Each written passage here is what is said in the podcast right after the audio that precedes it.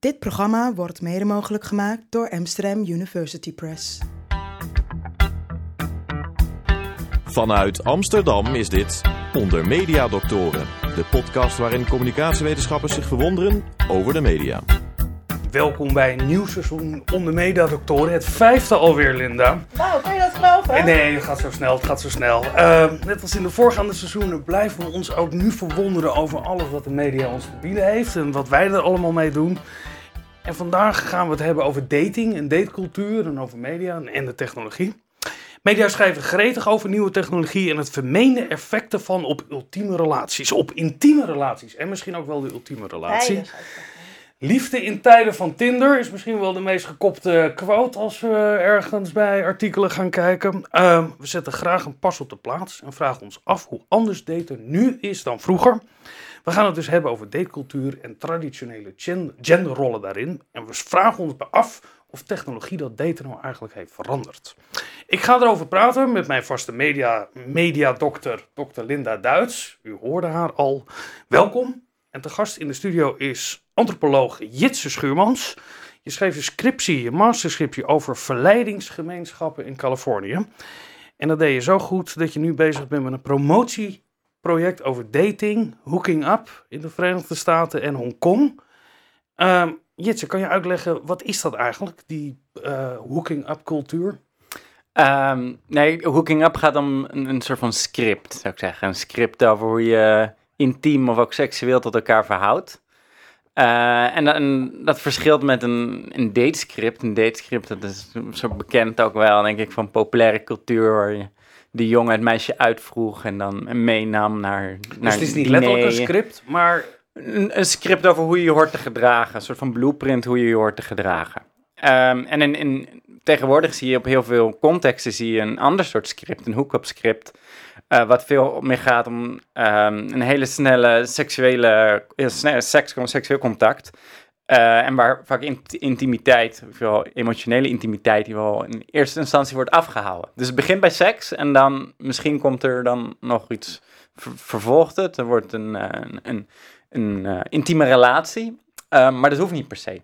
Linda, eh, je hebt ook eh, geschreven over online dating en je wordt nog wel eens geïnterviewd daarover.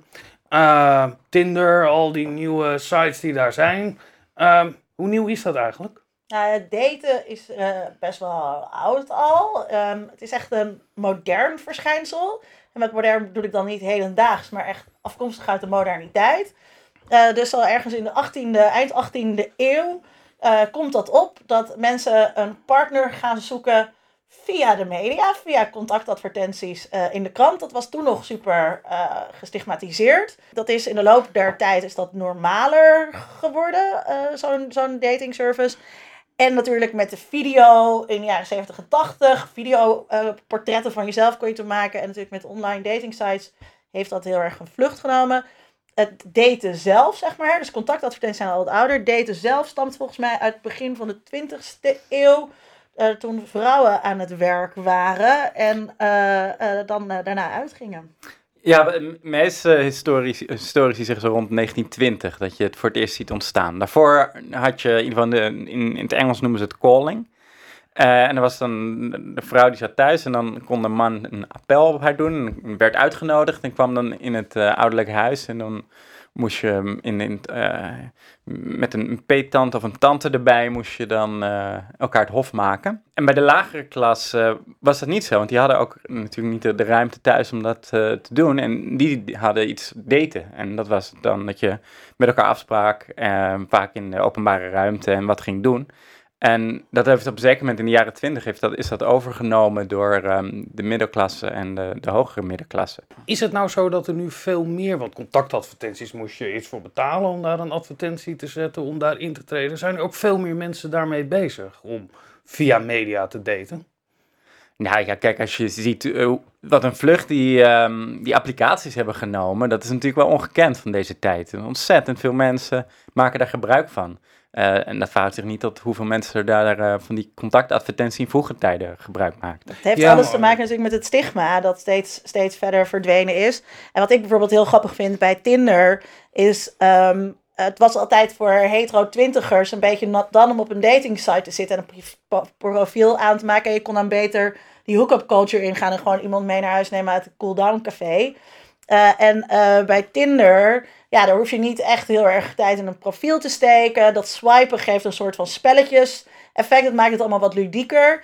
Eh, en mijn thesis is dus wel dat daardoor het minder stigma heeft voor die twintigers, voor die Het is meer twintigers.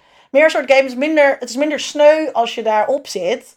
Eh, of eigenlijk helemaal niet sneu. En daardoor is er ook wel weer nog weer een groep bijgekomen. Dat, dat je dus ook dat het niet meer alleen maar is voor mensen die in, uit de kroeg niemand kunnen vinden.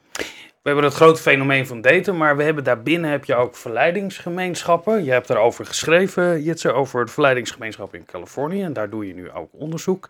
Wat gebeurt er in zo'n, in zo'n gemeenschap? Dat zijn, is dat alleen voor mannen? Ja, overwe- overweldigend wel. Ja, ze zeggen wel van, oh ja, vrouwen zijn welkom, maar ik heb wel geteld volgens mij één keer een vrouw eh, aanwezig eh, gezien. Want dat zijn eh, mannen die zich opgeven om een, een cursus te doen en om te leren om, Om te versieren. om te versieren. Ja, dus dat is één aspect ervan. Dus het heeft zo'n soort van, zo'n soort van een verticale organisatie. Maar het is ook meer een soort van horizontaal netwerk van mannen die dat dan samen beoefenen. Dus die dan ook afspreken om samen te gaan oefenen. Dat is heel gebruikelijk. En, en, Ehm, en hoe doen ze dat dan, dat oefenen? Nou, ja, kan je voor. Mijn, eh, onder, veel van mijn onderzoek eh, ging in het dagelijkse. Was dat we dan eh, 's smiddags bij elkaar kwamen. Dat was dan in een soort van eh, in een food court.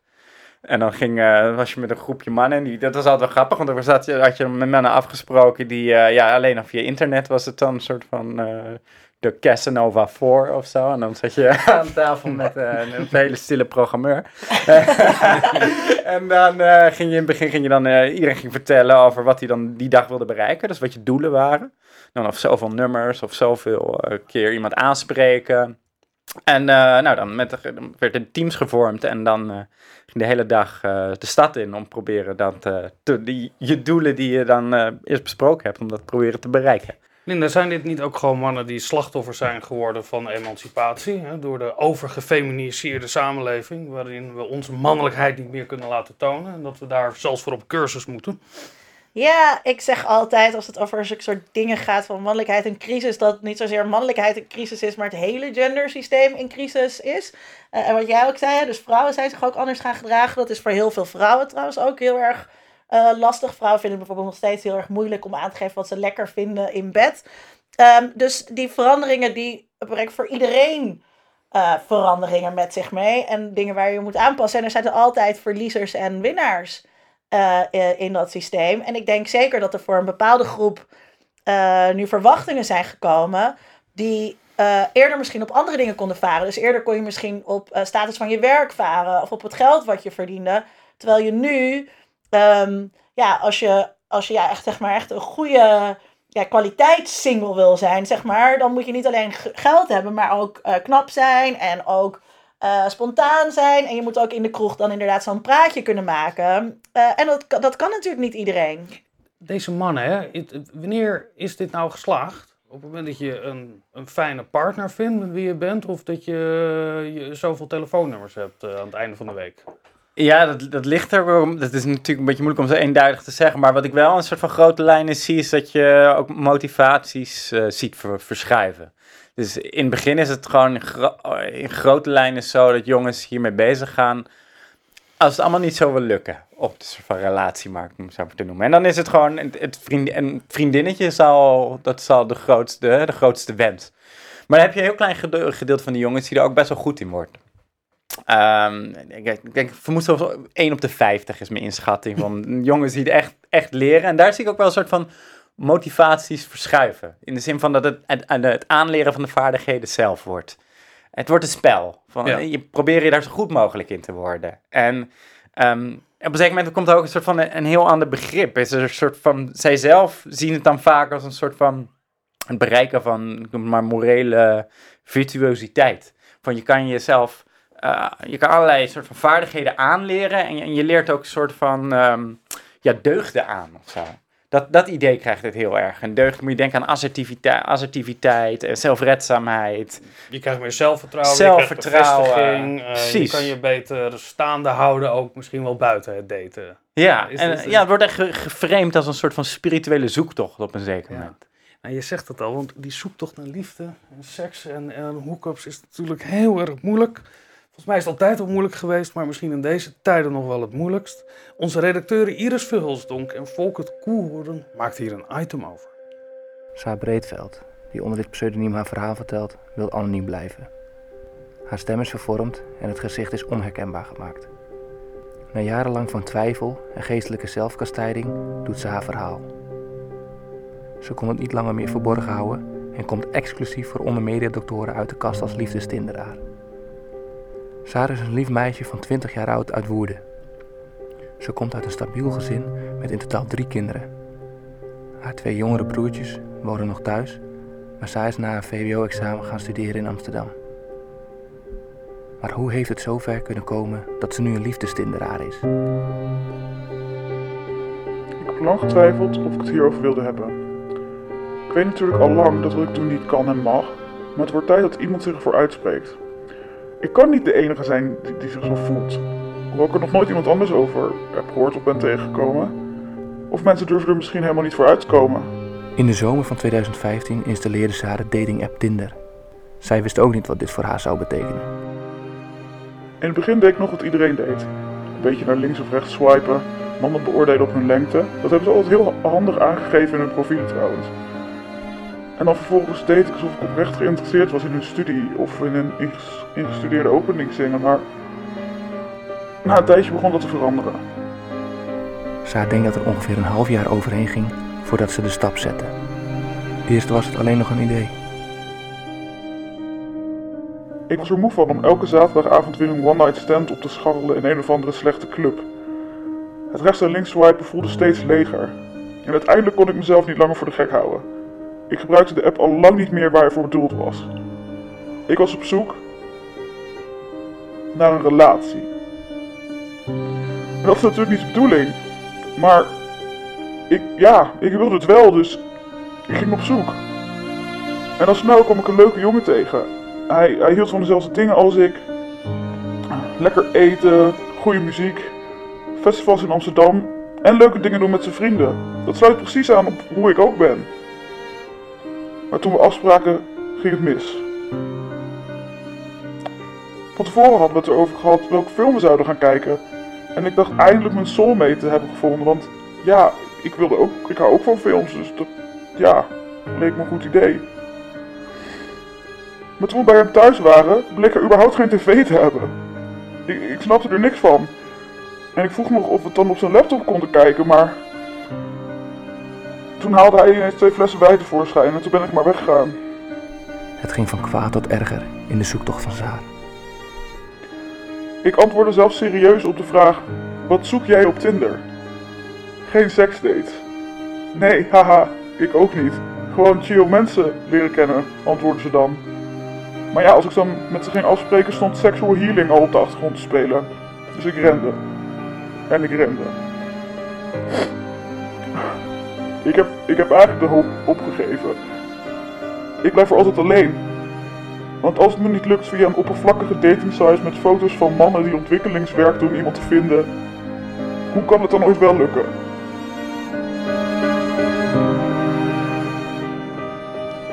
Saar bedanken voor haar openhartigheid, eh, uiteraard. Jitse, ehm, met de mogelijkheden die er allemaal zijn en de bereikbaarheid van het daten, vraag je je bijna af: kan je nog wel single zijn? Is Nou, niet heel problematisch geworden? Nou, er zijn denk ik ook gewoon mensen die er wel echt voor kiezen om single te zijn. Ja, en in die zin denk ik ook misschien minder problematisch dan eh, een aantal decennia geleden. Er was er toch veel groter stigma op alleenstaand zijn. Linde, zie je dat ook zo? Eh, ja, ja en nee. Dus het is wel okéer om single te zijn, maar dat moet dan toch wel iets zijn wat tussendoor is of zo. Dus je kunt tussen relaties in wel single zijn en dan Ja. is het wel de bedoeling dat je date.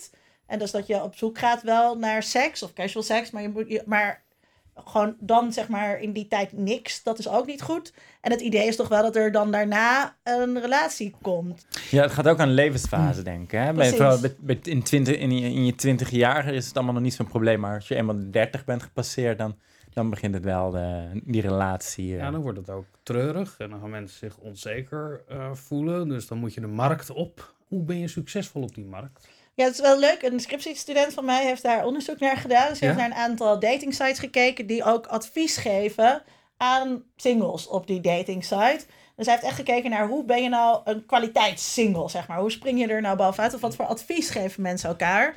Nou ja, dan lijkt het voor de hand te liggen dat je op een bepaalde manier eruit moet zien. Maar in dat advies gaat het heel erg over dat je jezelf moet zijn. Dus jezelf zijn wordt heel erg naar voren geschoven. Authenticiteit weten we natuurlijk dat dat heel erg als waarde gewaardeerd wordt.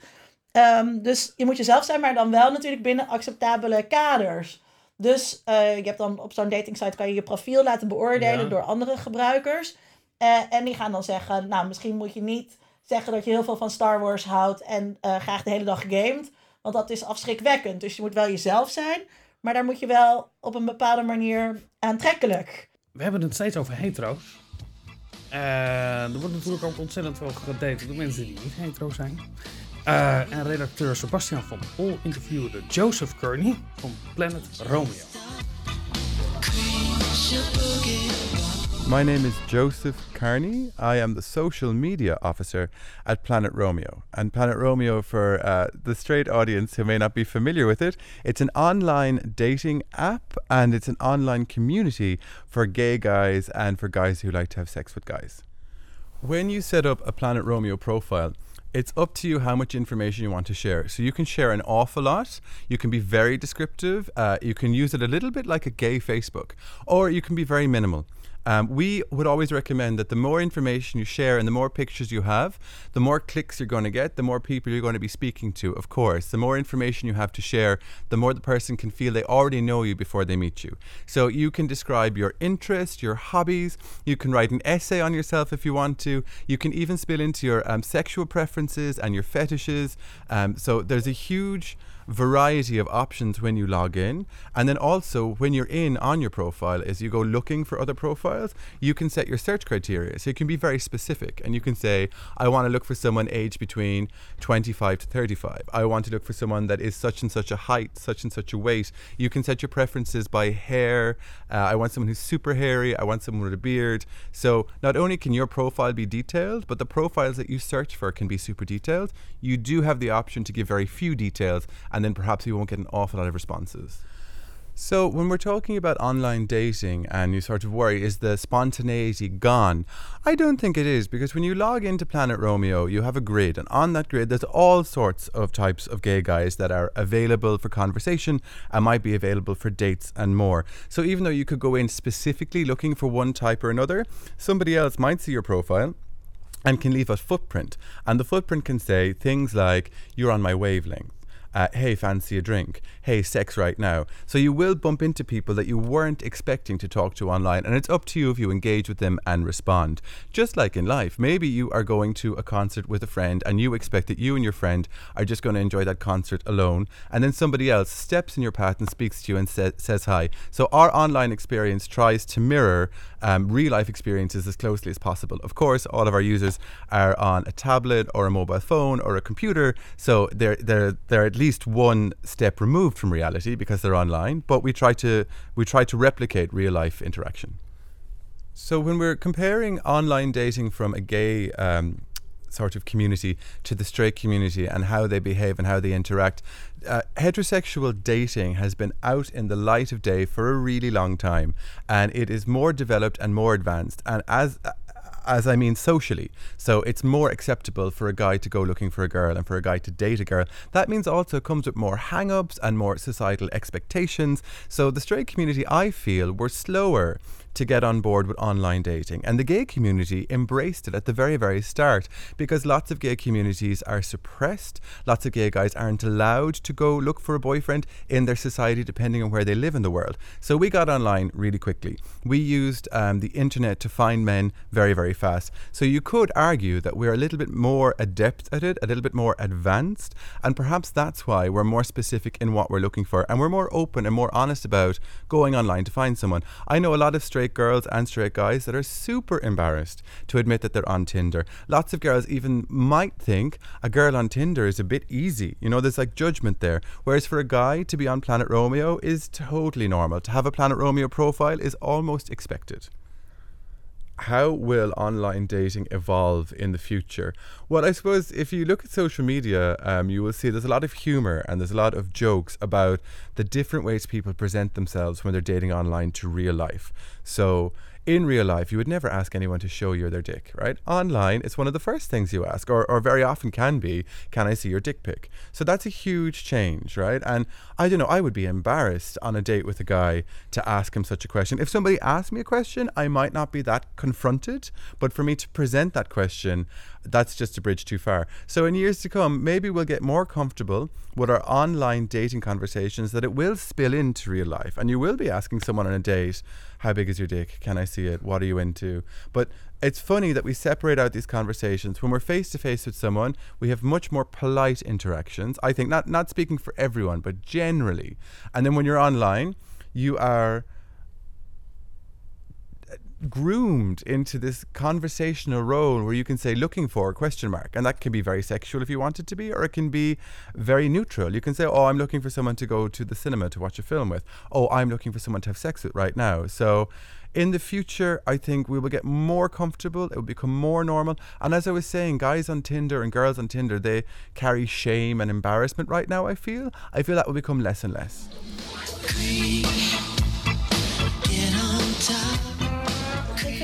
dingen interessant. Dus ik, eh, wat ik vooral interessant vind eh, hier is dat er zoveel meer variabelen zijn en dat het heel open is over seks.